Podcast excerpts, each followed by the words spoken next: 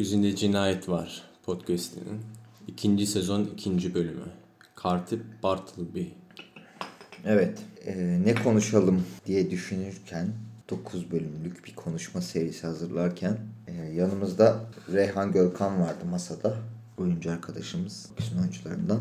Onunla e, Herman Melville'in Bartleby'sini çalışıyorduk. Katip Bartleby'sini çalışıyorduk. Bir stüdyo çalışmaydı daha provaya geçemedik. Yani dramaturji yapıyoruz. Dedik ki bu karakter e, bize de yakın. Konuşulması da güzel olur. Biraz da edebiyat konuşmuş oluruz. Hep mavra yapıyoruz. O yüzden Bartleby dedik. İlk edebi konu herhalde edebiyatla ilgili. Evet. Ondan önce bir şiir okunuyor mu diye bir şey konuşmuştuk da çok edebiyat üzerine değildi. İlk defa evet. Ya hep etrafında dolandık da daha çok mavra yaptık yani. İkinci sezon daha ciddi gidiyor. Niye böyle oldu? Önceden planlıyoruz ya ondan. Çalışıyoruz diye mi? Olabilir. Bir de ilkinin şeyi oldu böyle bir tecrübesi oldu. Hmm. Biraz atlat. Geçen bölüm ama seslerimiz çok birbirine girmiş ya. Kurgus, Kurguyla alakalı değil de. Ben yeni bir şey yapayım dedim programı öğrenirken. Sen- Yeni bir şey de tam pişmeden olunca. Yok onunla değil ya. Bir de birbirimizi de dinlememişiz çok. Yani unutmuşuz galiba şey olduğunu, kayıt olduğunu. Böyle bazı yerlerde birbirine girmiş mi? Olabilir. Evet çalıştın. Bartleby'yi okudun. Dün biraz bak biraz değil mi? İkiye yakın okudum. 50 sayfa. İlk sayfada benim dikkatimi çeken bir şey vardı. Ee, avukat adam orada bir yere diyordu ki işte bu adamın tam ve tatmin edici hayat hikayesini yazmak için ortada hiçbir malzeme olmadığı inancındayım. Ve bunu edebi bir eserde yazıyor. Bu bana şeyi hatırlattı. Handke'nin. Başkalarının hakkımını bilmedikleriyle geçinirim ben. Evet. Mesela Bartleby hakkında hiçbir şey de yok aslında kitapta. Yani Bartleby kimdir? İşte ne içer? İşte Adı, dış, adı var dışında mı? bir şey bilmiyoruz. Değil mi? Ve romandaki belki de yine tek şey Bartleby'nin adı. Avukatın adı var mı ya? Avukatın adı yok yani ben, Ben iş bankasını okudum rastlamadım. Diğer çeviriler nasıl bilmiyorum ama. Avukatın da adı yok. Ben biraz ne konuşacağız diye baktım şöyle. Uzun süredir de çalıştığımız bir metin olduğu için muhabbetin başında söyledik. Şimdi bu Bartleby'nin bir sürü boyutu var. Şöyle bir hatırlayınca eee, yazardan konuşmamız lazım biraz belki. Yazarın yazdığı dönemden konuşmamız lazım. Eee, yazarın kötü giden yazarlık serüveninden konuşmamız lazım. Biraz da ben Amerika gömmek istiyorum bu bölümde. Bartleby üzerinden Amerikan demokrasisini. Amerikan'ın o rüyasını biraz gömmek istiyorum mümkün olursa. Sonra kavramlar var tabii. Bu Bartleby ne yapıyor, ne ediyor, nasıl davranıyor. Yani mesela yapmayı, yapmamayı tercih ederim diye bir lafı var. Bütün hikayeyi özetleyen motto gibi bir laf. Nereye düşüyor? Biraz onları konuşalım isterim. Benim doğrultum böyle. Yine kendi tarzımızda e, Bartleby bizde nereye oturuyor? Yani bu topraklarda nereye oturuyor? Hangi anlatının benzeri, ikizi, kardeşi gibi bir şey de yaptım. Ona da geliriz. 17.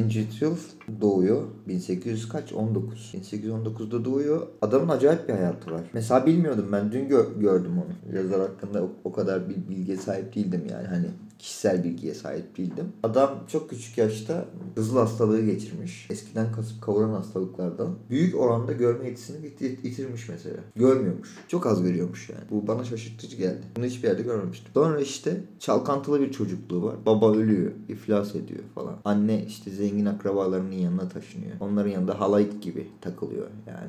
Biraz Melville'in çocukluğu besleme gibi geçmiş. Sonra da atmış kendini çalışma şeyine hayatı. Bayağı erken başlıyor çalışma hayatına herhalde. Tabii yapmadığı iş yok. Denizcilik falan yapmış. Yani işte bu yazma işi denizcilikle başlıyor. Denizcilikten önce de bir sürü şey yapmış. Denizcilikten sonra da yapmış. Gümrük müfettişliği, işte ayak işleri, e, denizcilikte şeyden başlamış işte. Yağcılıktan bilmem ne başlamış. Güverte silmekten, makine dairesinden falan başlamış. Tamamen bir amele görüyoruz. Hayatı, işçi, işçi hayatı yaşamış. Buraya yazmıştım biraz şey olsun kitapları ne ara yazıldı falan diye. 1841'de asıl bu yazma işine başlamasına sebep olacak e, balina avlama gemisine biniyor. Bu balina avlama gemisi bayağı böyle deniz aşırı giden bir gemi. İşte Markiz Adaları var. Bu Polinezya tarafları. Hint Okyanusu'nun aşağısı. O taraflara doğru gidiyor. Orada Taipi yerlileri. Bunu İngilizler mi koydu bu ismi? Amerikalılar mı koydu? Adamların adı gerçekten Taipi miydi onu bilmiyorum. Taipi yerlileriyle yaşamış bir süre. Yani maceracılığı da buradan geliyormuş. Adam bir sürü yerde yaşamış yani. Bir sürü adada falan yaşamış. İlk kitabı Taipi, Polinezya hayatına bir bakış diye bir kitap yazmış. Bunu da basmışlar. Türkçe'de de var. Daha iletişim mi basmış ne? Bununla birlikte hemen Omo diye bir kitap yazıyor iki sene sonra. O iki kitap e, Melville'e acayip bir şöhret getiriyor. Yani best, bestseller olacak kadar bir şöhret getiriyor tamam mı? Maceracı yazar işte e, denizleri anlatıyor falan işte. Sever ya bir de şey okur, Amerika'da okur. popüler denizci yazarlar. Evet. Jack London falan bayağı okunuyor. Ya Hollywood'dan da bildiğimiz üzere macerayı seviyor Amerikan okuru. Yani maceracı şeyleri böyle. Neydi bizim bir tane emperyalist bir şey vardır ya. Böyle altın avcısı pezevenk. Indiana Jones. Ha, Indiana Jones mesela. Bayılır Amerikalılar ona. Biz de bayılırdık bir ara. Milletin malına çörek Ha. verir. Malına çöker. Onun bunun Azteklerin, Masteklerin altınlarını altınlarını çalar. Yok elmasını çalar. Kafatası bilmem nesini çalar. James Bond var mesela. Bu da İngilizlerden çıkma ama Hollywood'un köpürttüğü M16 ajanı değil mi? M16. Aynen. Böyle emperyalist karakterlere bayılır. Bartleby'yi de öyle algılamışlar bence. Şeyi de. Melville'i de öyle algılamışlar bence. Böyle deniz aşırı gidiyor işte. Değişik, enteresan. Garip gureba medeniyetler görüyor işte. Kareli Reis'in bir lafı vardı aklıma gelmedi ya. Ucube ucube. Yani böyle eee, şey Amerikalılar bayılır böyle yerlilere gidip işte onların enteresan hayatını aslında ucube gözüyle bakarak anlatmaya. Melville de bunlardan biri zannedilmiş okur tarafından. Ama hmm, Melville asıl e, böyle bugün bizim bahsettiğimiz kitabını e, 51'de Moby Dick. Bu, bu en kral kitabı yazarın. Ama işte dedim ya kederli bir yazarlık hayatı varmış. Moby Dick'ten önce bir eseri var onu yazmayı unuttum.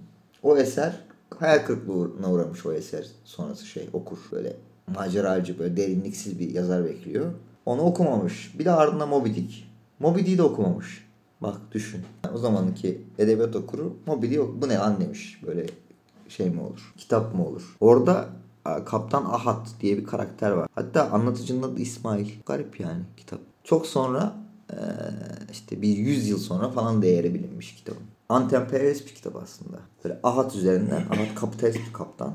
İşte onun gemi güvertesi, işte onun, onunla savaşanlar falan gibi. Biraz tersinden Amerikan rüyası yapmış. Amerikan rüyasını biraz terslemiş. Sevilmemiş, okunmamış. Ve adam mutsuz bir şekilde böyle 90 1890'larda hayatına veda etmiş. Bu arada tabii Bartleby'nin de içinde bulunduğu öyküler de yazmış böyle. Öykü kitapları da yazmış. Bartleby bir öykü kitabının, adını tam hatırlamıyorum. Bir öykü kitabının içindeymiş. İçinde bir esermiş yani.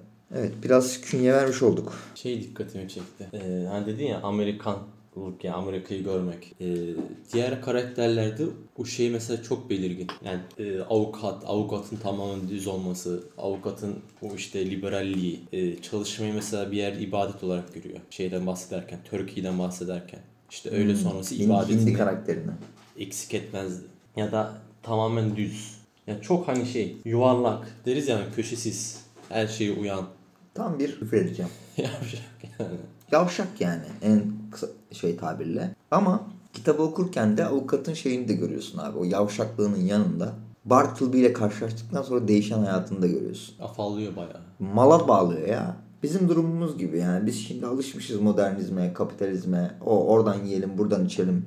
Şöyle e, tüketelim, böyle yapalım. Bir tane adam geliyor, yapmamayı tercih ederim diyor. Avukat kitapta da anlatıyor. Hayat görüşünü. Şey diyor yani, hiçbir işi zora sokmam. Her işin en kolayını seçerim. En kolay yolunu seçerim. Bu ne demek? Tam erken kapitalizm yani. Tam böyle iş görmecilik. Bu adam bir de araştır yani çalışırken, oyun için dramaturji çalışırken Kalvinist bir karaktermiş. Bu Kalvinistler Reyhan'la da okurken bir bölüm çok ilgimizi çekmişti. Bu Kalvinizmin kurucusu herif e, bizde de çok tartışma olan faiz meselesinin bu Hristiyanlığın bir kolu Kalvinistler. E, diyor ki İsa diyor işte İncil'de diyor faizin haram olduğundan bahsetmemiştir diyor. Hatta faizin gerekli olduğundan bahsetmiştir diyor. Ve Hristiyanlığa faizi sokuyor herif. Çünkü niye? Erken kapitalizmde yeni gelen biriken malda ticaret yapmak lazım. Şimdi bugünün ticareti de kapitalist ticarette faizsiz olmuyor. Bizdeki şeyler gibi Katılım bankaları. katılım bankaları hani faizsiz kazanç diye reklam yapıyorlar ya Albaraka Türk bilmem ne car Türkiye Finans falan diye. Onların atası bu adam. Bak bizim o heriflerin yavşakların atası bu Kalvinistler. Sonra e, bu Kalvinizm Batı'da bu kadar yükseldikten sonra Amerika Amerika'yı kuran ideoloji aslında.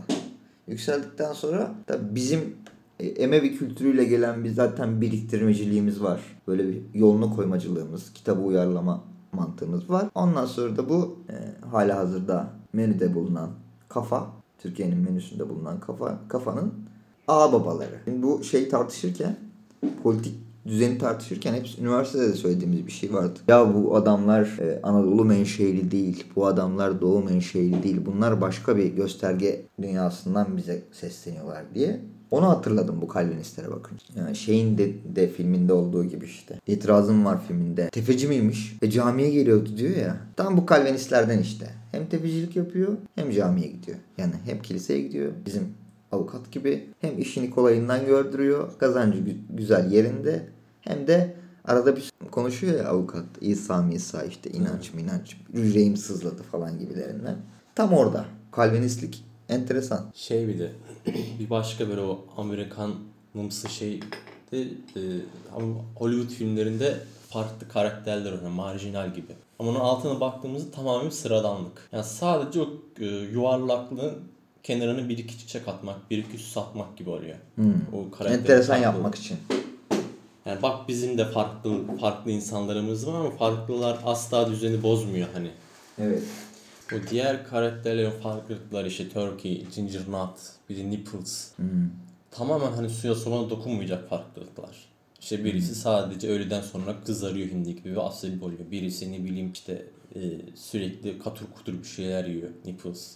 Nipples'tı galiba. Birisi Şey, işte küçüktü. neydi? fındık. Zencefilli çörek, hindi. Nipples. Bir de öbürü neydi? Çengel mi öyle bir şey şeydi onun adı. Onun adı böyle enteresan bir adı vardı. Evet. Üç tane karakter var zaten.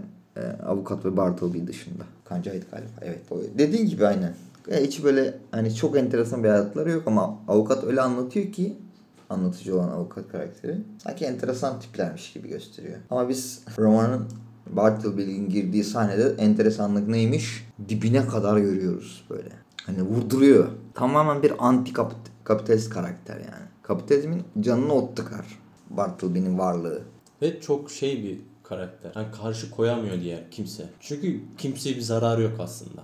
Hani şey diyor bir tane kitabın bayağı ünlü, internette de çok ünlü olmuş bir kısmı var. Sürekli herkes onu yazıyordu. Şey diyor ya orada, heyecanlı bir insanın pasif direniş kadar çileden çıkaran bir şey yoktur. Böyle direnilen kişi insanlıktan uzak biri değilse ve direnen kişi pasifliğinde gayet zararsızsa o zaman direnilen kişi daha neşeli anlarında aklıyla çözmesi imkansız olan şeyi hayal gücüyle bulmak için müşfik bir çaba gösterir. Avukatın hali işte. Avukat bir türlü şey yapamıyor ya adama. Bartleby'yi. Ele geçiremiyor yani. Bartleby şeyde oyuna girmiyor çünkü. Topa girmiyor yani. Topa girse bir şekilde tartışacaksın ya da böyle eee, cezalandıracaksın. Ne bileyim şevklendireceksin. E şey değil mi? bu yüzden yapmıyorum işte sevmiyorum. Benim böyle bir duruşum var, böyle bir altyapım var. İşte nutuklar falan atsa Öyle bir felsefesi falan da yok. Hani konuştuğu ben işte bu yüzden yapmıyorum. Antikapitalistim işte bu yüzden yapmıyorum. İşte eylemciyim falan da demiyor. Tek dediği şey yapmamayı tercih ederim. Yememeyi tercih ederim. Gitmemeyi tercih ederim. Adam ölüyor.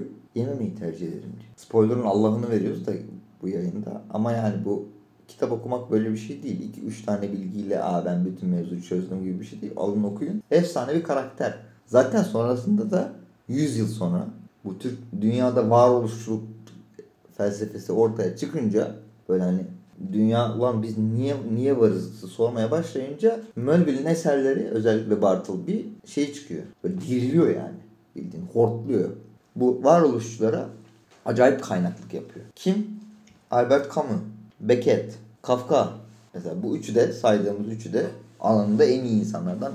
dönüşümle Üçü falan bayağı benzetiyorlar hatta karakterleri. Evet. Evet.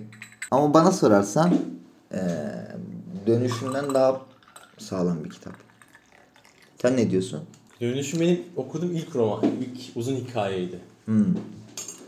Ama evet yani dönüşüm çünkü çok ifade ediyor kendini. Çok konuşuyor. Yani bunun ifadesizliği beni çok garip etti. Hatta şey geldi. Daha çok uzun olmasını isterdim bir bakıma da. Kısa bitti Yani gibi. böyle Hemen bitti gibi mi? tüketen bir okur olarak.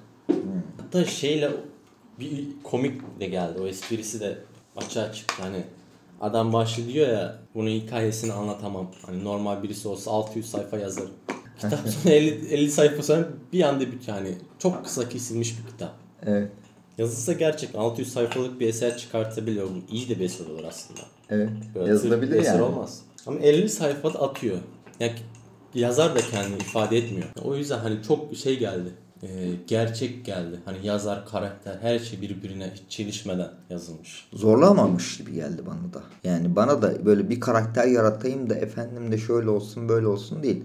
Sanki Bartleby gerçekten varmış. Bir gün ofise gelmiş gibi. Yani bu gümrük memurluğu falan yap, yapmış ya Melville. Sanki o gümrük memurluğu yaptığı yerlerde falan. Yani böyle bir adam gelmiş de onu gözlemlemiş gibi yazmış yani. Yani Melville de kitabı yazmamayı tercih etmiş. Evet. Evet aynen. Yani şey dememiş sana. Bir hikaye anlatayım. Öf nasıl bir hikaye falan dememiş. Karakter kapıdan giriyor. Bartleby'yi görüyoruz. Yani şeyin gözünden. Avukatın gözünden. Sonra Bartleby'nin çok kısa sürede 10 sayfada belki değil mi? 10-15 sayfada pat gidiyor yani. Şey mesela e, daha önce hani çalışmadığım bir kitap olduğu için de şey dedim hani kitap bakarken işte ne bileyim nasıl yazılmış hani yazım tarzı nasıl hani bunlara falan eğileyim konuşurum falan dedim. Çok böyle büyük bir şey de bulamadım o yüzden. İlk eser çünkü. Bu tarzda yazılmış ilk eser. Yani bundan öncesi yok yani. Hani niye burada ne bileyim çeşitli bir metafor kullanır ne bileyim hani edebiyat nasıl okunur da şey diye anlatıyordu Eagleton. Orada da şey üzerinden gidiyor. Emily Bronte'un Uğultulu Tepeler. Bir bölüm o kitabı konuşabiliriz. Olabilir aslında. Benim bayağı asıl olduğum bir kitap. Oradaki karakterlerden bahsediyor örnek olarak bir grup öğrenci. Sonra diyor ki dışarıdan gelen bir görevli bu grup öğrenciyi dinlese e, o karakterleri sıradan bir karakter gibi algılayabilir. Çünkü sadece o karakterlerin birbirlerine ne yaptığını konuşuyorlar. Yani o edebi bir eser mi değil mi bunu anlayamaz. Ee, ama bunun nasıl yazıldığını üzerine konuşulursa edebiyat ona göre okunursa konuşurken edebi eser olduğu ortaya çıkar. Mesela öyle okumaya baş çalıştım Bunu mu? bunu. Çok zor. Yok yani. Çok zor. Sinirim bozdu. Biraz korktuğum şey yaptım hani ne yapacağım yarın çalışamadım anlayamadım mı hani bir daha okudum. Ya öyle öyle bir his bırakıyor. Bak ben de mesela kaç defa okudum bilmiyorum. Bu oyunu çalışalım diye e, Reyhan getirince de Bartleby'yi gördüm tekrar okuduğum günler aklıma geldi falan. Tekrar okuduk. Oyunlaştırmaya falan çalışıyoruz şimdi. Ama hala bizim için perdeli bir karakter yani. Böyle alış yani Batı edebiyatında alışmadığımız bir karakter. Aslında bizim burada Anadolu'da ya da Doğu edebiyatında ben ben bu adamı gördüm yani. Bu adamı ama edebi karakter olarak görmedim. Var yani hayatımızda. Biraz sonra belki oraya geliriz. Çok sonralara saklamayı düşünüyorum bu bölümü. Ama bu adamın e, nasıl ortaya çıktığı, bu karakterin nasıl ortaya çıktığını ben de bakmak istedim. Yani bir de dramaturji yapınca yaşadığı döneme bakılır ya hani bu şey, şeylerde. Hani yazıldığı dönemde ne oluyordu? Bir kere ee, en büyük göstergesi bence kitabın o duvar. Bartleby'nin dönüp, kıçını dönüp baktığı duvar. Sürekli duvara bakıyor Bartleby. Ve e, ofisin olduğu yerde dünyanın en meşhur duvarlarından birinin olduğu New York. Wall Street. Wall Street. Evet. Yani Wall Street'in Wall, bu Wall Street nasıl olmuş dedim mesela. Onu merak ettim. Nasıl yapmışlar bu Wall Street'i? Niye Wall Street? Buranın adı niye Wall Street yani? Niye duvar sokağı? Baktım abi ve çok acayip şeyler gördüm. Daha önce de Amerikan tarihinde gördüğüm şeylere çok benzer şeyler gördüm. O yüzden Amerikan Amerika'yı biraz gömeceğiz bu konuşmada diye başladım. Şöyle bu duvarın ilk hikayesi tahta bir paravan aslında bu Wall Street. Yani wall, wall denen o duvar. Ee, bir tahta paravan. Bunun yapılmanın, yapılmasının sebebi o zamanki Amerika'nın o kolonyal dönemindeki daha Amerika Birleşik Devletleri olmadan önceki dönemdeki Hollandalı tüccarların yaşadığı bir bölgeymiş burası. Hollandalı tüccarlar burada ticaret kolonisi kurmuşlar. Kızılderilileri kovarak kurmuşlar ama bunu her zaman gibi. Şey Coşkun Aral da en son bir şey paylaştı. Bir video paylaştı daha izleyemedim. Kızılderililerin Kanada'da nasıl yok edildiğine dair bir belgesel. Bir video belgesel. Amerika'nın tarihi tabii böyle böyle bir tarihi var yani. İşte eee bir gün baskın veriyor bu Hollandalılar. Ee, şeyleri Kızılderilileri ko- kovmak için. Ve fecaat yani. Hani neredeyse soykırıma o bölgede soykırıma neden olacak bir cinayetler serisi. Ondan sonra o şeyleri öldürünce Kızılderilileri diyorlar ki buraya gelmesinler.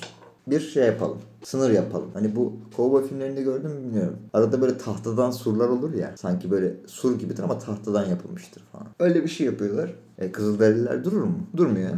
Topluyorlar amcaoğlunu, dayıoğlunu falan. Bir geliyorlar abi. Orada toz duman birbirine giriyorlar. E, Hollandalı malı kaybetmek ister mi? Hollandalı o zaman tüccarın kralı. Gemicilik onlarda falan. Ticaret onlarda. Bir İngilizler bir onlar. Diyorlar ki ulan buraya duvar yapalım. Duvar yapıyorlar. Duvarı kim yapıyor sence? Duvar işçileri kimler? Kızılderililer mi? Hayır. Türkler mi? Kimler? Malatyalılar falan diyormuş. Yok. Afrika'dan getirdikleri zenciler abi. Bu arada şunu da söylemek istiyorum ya. Bu zenci muhabbeti, siyahi muhabbeti var ya. Onda belki bir, bir şey söylemek istiyorum. Şimdi biz e, Türkiye'de zenci demeyin, siyahi deyin muhabbeti var ya. Evet. Bu zenciyi zamanında ben niye zenci diyoruz lan biz bu adamlara diye araştırdım.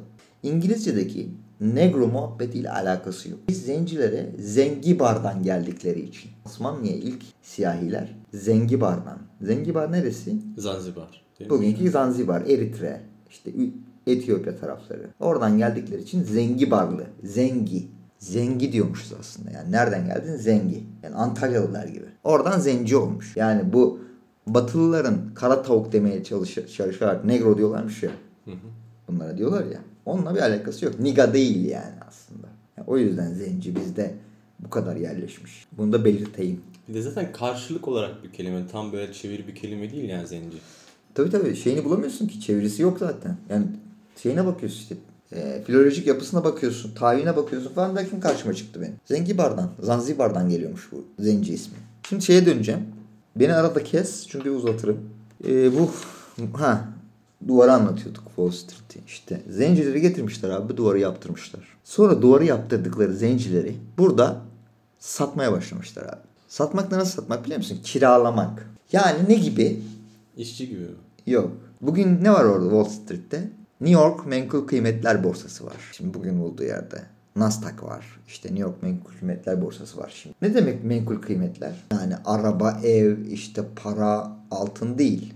Menkul kıymetler. Borsa kağıtları, tahviller, çekler, kağıt, evrak. Bunları bu zencileri bildiğin menkul kıymetler yerine koyup yani o evrakları yerine koyup birbirlerine kiralıyorlarmış. Satıyorlarmış, kiralıyorlarmış. Bildiğin zenci borsası varmış orada. Bugünkü Amerikan borsası dediğimiz şey aslında zenci borsasıymış. Çok enteresan yani hani Amerika'yı böyle tatlı bir yer zanneden insanlar için çok enteresan bir bilgi. Benim için çok enteresan olmadı ama bilmek garip bir eee, şey yarattı bende. Zaten biliyorduk amına koyayım duygusu yarattı yani. 71'de daha da ilginç bak geliyor. Amerikan Amerika'ya bak nasıl kurulduğuna bak abi. Bin- 1699'da kaldırılıyor bu duvar. Duvar kaldırılıyor ama pazar devam ediyor. 1711'de şehrin resmi köle pazarı oluyor abi. Resmi devletin mühürlü köle pazarı. Sonra 1969'da kaldırıldı ya duvar. Yerine ne yapılıyor sence? Duvarın yerine. Bina falan mı?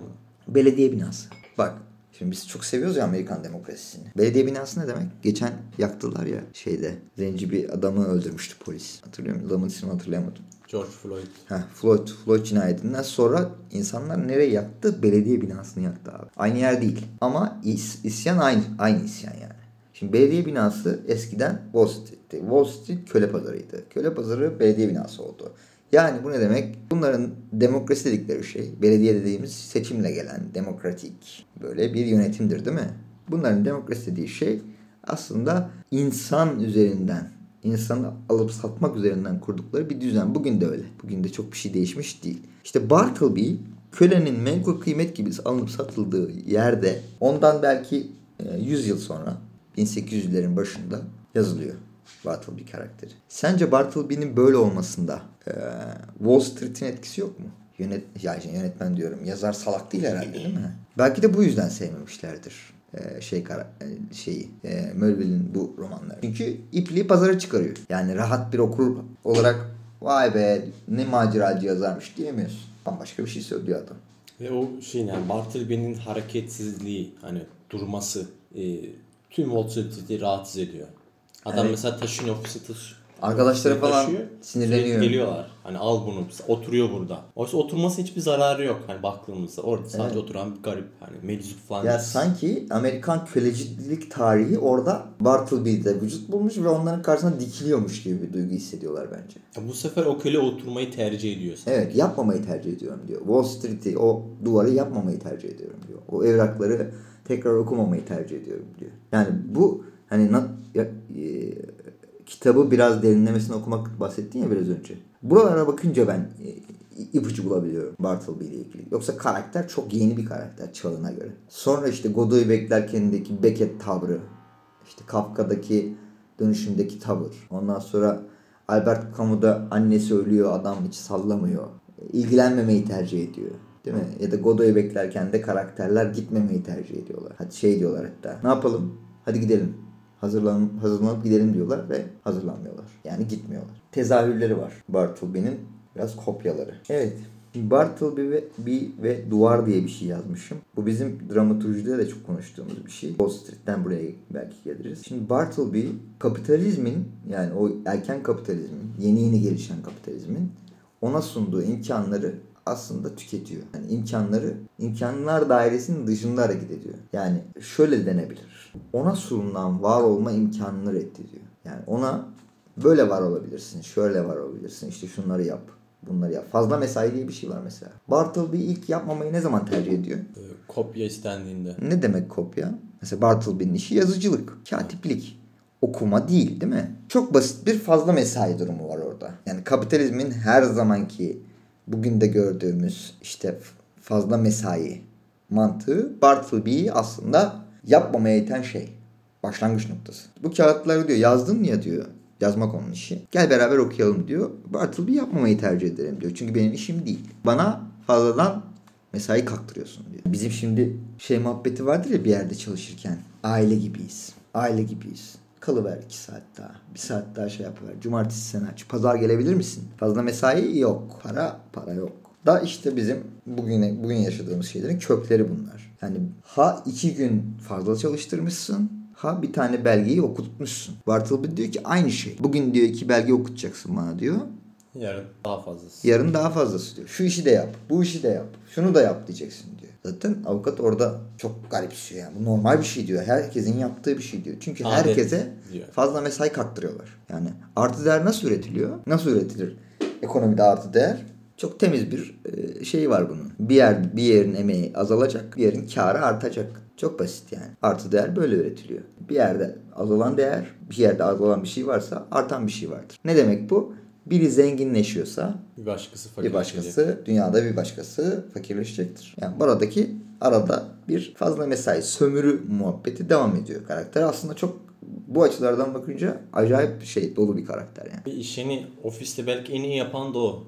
Evet. Yani yazıcılık işini. Ne mü Turkey gibi işte e, mürekkebi dağıtıyor ne cincirnat gibi işte zencefilli kek parçalarını saçıyor. Ya hatta ikisinden birisi Turkey'de olabilir de şey basmışlar. Çalışırken dal e, mühür yerine keki basıyormuş. Ha, evet, he. Cincir, Sonra, işte sonra şey, diyordu ki sana işte kek. maliyet azalttım falan diye cevaplıyormuş. Şey şey yok. Turkey'di o zaman. Turkey, Hindi evet. E, Bir asabiyetliği yok. İşte ne bileyim hani çalmıyor, çırpmıyor. Çok e, şey tatlı bir çocuk ya. Böyle işi gücü Saf yap. hani, Saf, saf. kaktır buna durumu var. Kaktırırız buna. Bir de yaşı da genç. Bu bana kaktırırız yani. Ama adam taşak, Tercih etmiyor taşaklı çıkıyor kardeşim. Ve bütün e, algoritmayı değiştiriyor. Şeyi de konuşmuştuk yine konuştuğumuz şeylerden biri. Bir duran adam vardı bizde. Hatırlıyor musun? Eylem miydi? Gezi eylemlerinde Evet. bir duran adamımız vardı. Böyle şeye karşı e, Atatürk Kültür Merkezi'ne AKM'ye karşı duruyordu adam. Bir gün geldi durdu ve onun arkasında bir sürü insan durdu. Ben çok benzetiyorum.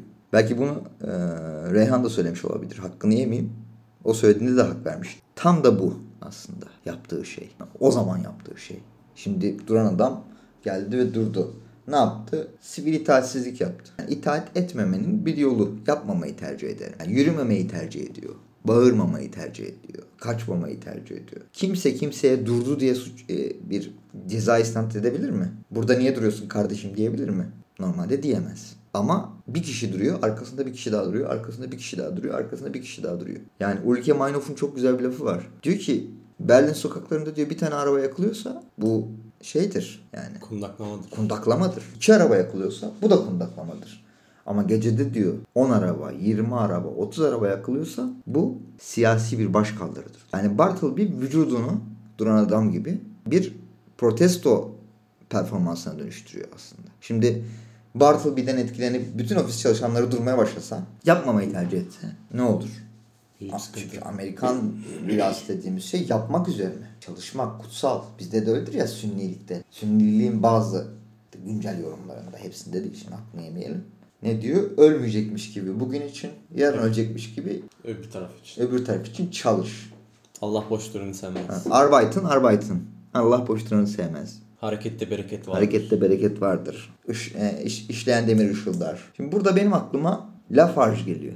Yani onun çok güzel bir incecik yine Bartleby gibi incecik bir kitabı Tembellik var. hakkı. Tembellik hakkı abi. Bizim çok alışık olmadığımız yani bizim derken kapitalist insanların biz de artık kapitalizm sistemin içindeyiz ve işimizi yaparken biz de çalışmak üzerine kuruyoruz her şeyi. Çalışmalıyız diyoruz yani. Hatta tiyatrocuların çok sevdiği bir şey vardır. Yani böyle Anton Çehov mu söylemişti onu? Bizi çalışmak kurtaracak. Yoksa Gogol müydü? Çehov'du galiba. Mesela onu çok severiz biz. Birbirimize söyleriz. Abi bizi çalışmak kurtaracak deriz. Boş durduğumuz zaman aşırı sıkılıyoruz mesela. Evet. Abi bir şey mi yapsak ya? Bir şey yapmak lazım diyoruz değil mi? Mesela pandemiye girdik, evlere kapandık. Ben şey dedim ya, ulan az çalışıyormuşum da üstte. Biraz daha çalışalım dedim. Değil mi? Şey Çünkü hatta diyor, var olmuş, varmış gibi geçirmek. hissediyoruz. Efendim? İşte pandemide vakit geçirmek. Pandemide işte vaktimizi kitap okuyarak geçirelim, onu, onu geyini de yapmıştık. Video falan çekmiştik. Yani bir şey yapılamaz ki kardeşim. Başıma ilk defa gelmiş bir şey. Ben niye kendimi geliştirmeye çalışıyorum? O tarafı yatacağım yani. Yapacak bir şey yok. Ama işte yat yat nereye kadar? Ruhumuza işlemiş. O kara ağda ruhumuza işlemiş. Diyor ki dürtüyor bizi. Kalk çalış. Kalk çalış. Şimdi bizi dinleyen arkadaşlar diyecekler ki çalışmadan ne yapacağız? İşte bak bu sorunun cevabı hiç düşünülmedi. Şey yapmayacağız. Hiç Yapmamayı tercih çalışmadan ne yapılır? Bilmiyorum. Yapmadım çünkü hep çalıştık yani. Şey bir de hani e, hareket. Hareket benim çok garibime gidiyor. Sürekli hani hareket halinde. Her şey hareket halinde. Arabalı hareket halinde. Biraz dursa şiddet ortaya çıkar. Hani millet işte haydari geceleri çıkartıp birbirine saldırır. Evet trafikte falan değil mi? Böyle dağıt dağıt dağıt. Yürürken mesela önümde birisi yavaş yürüdüğü zaman beni tepeme atıyor. İttiresim geliyor yani. Yürü hızlı yürü. Evet. Ya sürekli hızlı bir şekilde Niye yani? Niye manyak mıyız oğlum biz? Ben Bartleby okurken onu hissettim ya. Ya niye yapmamayı tercih etmiyoruz? Abi bizde onun gönlü kırılır, bunun bilmem nesi olur, ona bir ayıp olur, buna bilmem ne olur diye. Ulan hayatımız fazla mesai dikkat ediyor musun? Öyle. Hayat benim hayatım fazla mesai ya. Ya gece bile sürüyor yani. Hani şu Evet. iş nasıl oldu? Olmazsa da mesela iş kötü geçti onun muhasebesi. Hani ya şu kötü oldu. Keşke yapmasaydı. Evet. Moral bozuktu onun Evet. stresi. Sürekli bir fazla mesai kaktırma durumu var hayatta yani. Hani bu şey de değil. Anam babam falan da öyle alışmış abi. Sevdiğim arkadaşlarım da öyle alışmış. Ben de öyle alışmışım. Herkes birbirine fazla mesai kitlemeye çalışıyor. Şey mesela çok garibime gidiyor birkaç haftadır. Ee, tatil olan günlerde aslında Mesela tatil günü o gün mesela bir iş yapıyoruz yine. Mesela hangi tatil gününde duruyoruz sadece? Araba yıkıyoruz mesela değil mi? Ya da ne bileyim çiçekleri suluyoruz. İşte anneye babaya yardım. İşte oturup kitap okuyoruz. Ama o zaman çok aklıma geliyor. Bartleby okumadan önce ok- okuyunca daha da şey oldu hani. Biraz aydınlandı. Yani her tatil günü yine iş yapıyoruz. Bu iş hani bize zevk verip vermemesi çok önemli bir şey değil. Evet evet. Sonuçta bu da Sürekli iş. şeydeyiz ya. Eskilerin bir lafı var. Bu derviş lafıymış. Ben çok sonra anladım bunun derviş lafı olduğunu. Ben şey zannediyordum ya. Yine kapitalist pezemek bize kaktırmaya çalışıyormuş gibi anlıyordum. Diyor ki el işte gönül oynaşta gerek diyormuş. Diyor yani atasözü. El işte gönül oynaşta. Ne demek bu? Ben şey zannediyordum. Lan bir iş yapıyorsun. Elin işte gözün oynaşta. Hani işi doğru düzgün Evet. yapmıyorsun demek zannediyordum. Değilmiş. Dünyadaysan yani yaratıldıysan, var olduysan elin bir şeyle uğraşacak ama gönlünü o uğraştığına kaptırmayacaksın. Gönlün oynaşta olacak. Oynaş ne? Biz şimdi oynaşı başka türlü an- anlıyoruz. Seksolojik bir şey anlıyoruz. Oynaş ne? Aslında oynaş tasavvufi bir terimmiş. Dervişlerin kullandığı. Elin uğraşırken, elin işlerken gönlün seni yaratanı unutmasın. Yaratanla oynaşta olsun. Aşkta olsun. Şimdi hangisini aldılar elimizden? Gönlünü aldılar. Gönül gitti. Gönül nanay. El işte. Biz niye sıkılıyoruz abi? Elimizi işten çekince.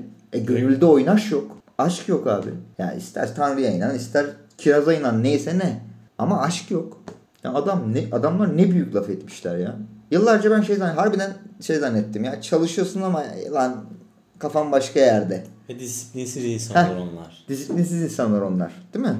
Ama tüm her şeyin işi odaklayıp oraya fokuslayıp o işi yapan sonuna kadar yapan kusursuz yapan insan iyidir hani disiplinlidir. Muhteşemdir falan çalışkan. Güçlüdür. Evet. Mesela bir şeye ihtiyacın oldu hemen ona bakarsın. Hmm. Bu mesela garip yani disiplinli insan olmak, disiplinli işçi, Evet, eleman evet. olmak. Dersi günü gününe çalışmak mesela. Bu da aynı bir şey. Aynı şey. Dersi neden çalıştığını unutuyorsun bir süre sonra biliyor musun? Ya neden edebiyatla uğraşıyorum? Neden işte tiyatroyla uğraşıyorum? Neden sanatla uğraşıyorum? Bak işte biz de sürekli çalışıyoruz. Sürekli bir çalışma durumu var. Ama oynaş nerede? Ben çalışırken arkadaşlarıma hep onu söylüyorum. Yani direkt böyle söyleyemiyorum belki ama yani biz bu işi neden yapıyoruz uzun? Yani determinik değil tabii. Neden sonuç ilişkisine bağlı değil. Yani aşk aradığın aşkınlık ne? Niye buradasın? oynaşın ne? Nerelerle oynaşıyorsun? Öbür türlü çalış babam çalış. Fazla mesai. Sürekli fazla mesai. Yani durup ulan ben ne aşkıyla yapıyorum bu işi? Neyin aşkıyla yapıyorum bu işi diye sorduğun zaman büyük bir boşluk. Ondan sonra bizi çalışma kurtaracak. Evet. Çünkü başka bir şey yok. Yani tembellik hakkı bağlı olarak benim aklıma bak 48 dakika oldu bence yavaş yavaş. Ben konuştum lan hep. Evet. Ama siz bir 3 ayda çalışıyordunuz ya. Ben dün sadece alıp okudum kitabı. doğru onun da etkisi var doğru. Bronte'de, Emil Bronte'de susacağım. Sen konuş. Ben Orada kitap okuyup geleceğim.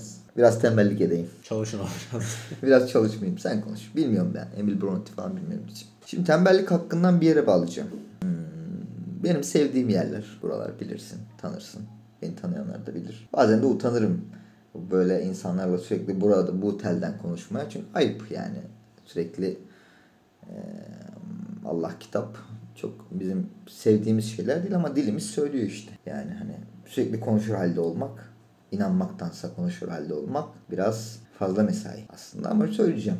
Yani şimdi e, Bartleby'nin tavrı bana biraz ölmeden önce ölmek gibi geliyor. Yani okuyunca. Şimdi ölmeden önce ölmek ne demek? Hoca, Hoca Ahmet Yesevi var. Bizim Horasan erenlerinin kutupu, kutbun, kutuplarından biri. Hatta bizim bu Bektaşilik, işte Melamilik, ondan sonra Bayramilik, bilmem nelik işte bu tasavvuf geleneğinin babalarından yani. Bu adam belki daha önce de konuştuk mu bilmiyorum ya. Belki de konuşmuşuzdur. Ama Bartleby bana bunu hatırlatıyor. Adam e, kendine mezar odası kazdırıyor. Evet, 50 yaşından sonra mı? ne? 50 yaşından Hadsizlik sonra. olmasın diye. Niye? Peygamber diyor o kadar yaşamadı diyor. Peygamberin öldüğü gün yani o, o yaşta, peygamberin öldüğü yaşta, babamın öldüğü yaşta diyor ya Teoman. Hı hı. Aynı onunki gibi peygamberin öldüğü yaşta mezar odasına giriyor abi. Halvete giriyor. Ve orada yaşıyor. Yani yaşamamı tercih ediyor. Yaşamamayı tercih ediyor. Aynen. Ben diyor gözümün nuru, gönlümün feri, canım Muhammed gittiyse bu yaşta diyor. Bana diyor fazla bu diyor. Yani fazla mesaiye gerek yok diyor. Ama intihar da edemiyor tabii adamcağız. Ne yapsın? Allah verir Allah alır muhabbeti var. Mezar odasına geçiyor abi. Ekmek, su, ibadet. Ne yaptığı. Kaç sene, kaç sene sürüyor kim bilir. Dediğim gibi neyi tercih ediyor? Yapmamayı tercih ediyor abi. Yaşamamayı tercih ediyor. Ve yaptı tamamen durmak hani. Evet. Duruyor. Tüm gün namaz kılmaz bence hani. Evet. Sabahtan akşama kadar da adamın vücudu kaldırmaz. Tabii. Sürekli eğil kalk kafana koy. Evet. Bir de Allah bilir taşta falan kılıyordur. Şimdiki bir rahat rahat seccadeler yok. Ha, değil mi? Isıtmalı mı? Şimdi minder gibi. Aynen ha. Ben Kur'an kursunda kafayı böyle secdeye koyduğumu biraz kestirdim böyle. Ha, bir, Uzun bir konfor gelirdi değil mi? Sonra kalkardım. Evet. Şimdi eskiden adam taşta kılıyordur. Yani hasırda falan kılıyordur taş yoksa da. Bana biraz öyle geliyor. Ne diyorsun bu konuda ya? Bana bayağı. Çok yani tam. Birebir gibi geliyor ya. Ben mi ulan çok uyduruyorum diye soruyorum. Hani ne kendime yapıyor? Ne bazen. yapıyor ki o adam? Orada birazcık namaz kılıyordur. Bartleby'nin yaptığı yazma işi gibi. Ondan sonra yaptığı her şeyi tercih etmemek. Yani yaşama- arkadaşları tercih etmiyor. Takılıyor mu? Çay mı demliyorlar orada kapalı alanda? Hay ne bileyim bir şeyler mi tüttürüyorlar? Keyif mi yapıyor? Ya bizim yapıyor? bildiğimiz bizim bildiğimiz Bartleby'den hariç olarak sadece ölmemek için bir miktar yemek yediği. Yani bir, bir somun ekmek bir şey işte yani. Bilmiyorum nedir. O da hani oruçlu geçiyordur büyük ihtimalle. Akşamdan sahura, sahurdan akşama gibi bir şey yapıyordur. O da dediği gibi Bartleby in- in- intihar edebiliyor. Ama Hoca Ahmet intihar edemiyor zaten. Gam makam. Yani bahsettik ya konuştuk ya geçen hafta gam makamı. Bana o duvarda bu lafı söyleyen ölmeden önce ölünüz diyen Muhammed'in Hirası gibi geliyor abi. O duvar. Bakıyor sürekli duvara. Duvara gidiyor yani. Bütün o kalvinist işte erken kapitalist bilmem ne muhabbetinden kaçarak duvara gidiyor. Yani duvara bakıyor. Bana sanki Hira gibi geliyor. E yine uyduruyor olabilirim yani. Kafam öyle çalışıyor olabilir. Hiç de problem değil yani. Yani peygamber şeye işte mağaraya çıkıyor. Diyor ki la bu, bu iş ne olacak ya? Bu çocukları gömmeler bilmem neler işte faizler haramlar bilmem neler hani sosyal hayatla ilgili ha böyle ibadetle ilgili falan değil yani. Bu ne olacak diye düşünüyor. Yani Bartleby de duvara dönerek bence böyle bir işaret veriyor. Şeye de benziyor yani Mahatma Gandhi'nin tuz yürüyüşünde be- yürüyüşüne de benziyor yaptığı. Duvara dönüp hiçbir şey yapmamak, yapmamayı tercih etmek. Ama orada Mahatma Gandhi'de bir yürüyüş var. Eylem var. Ya da peygamberde hiraya çıkma var. Bartleby duvara bakıyor abi.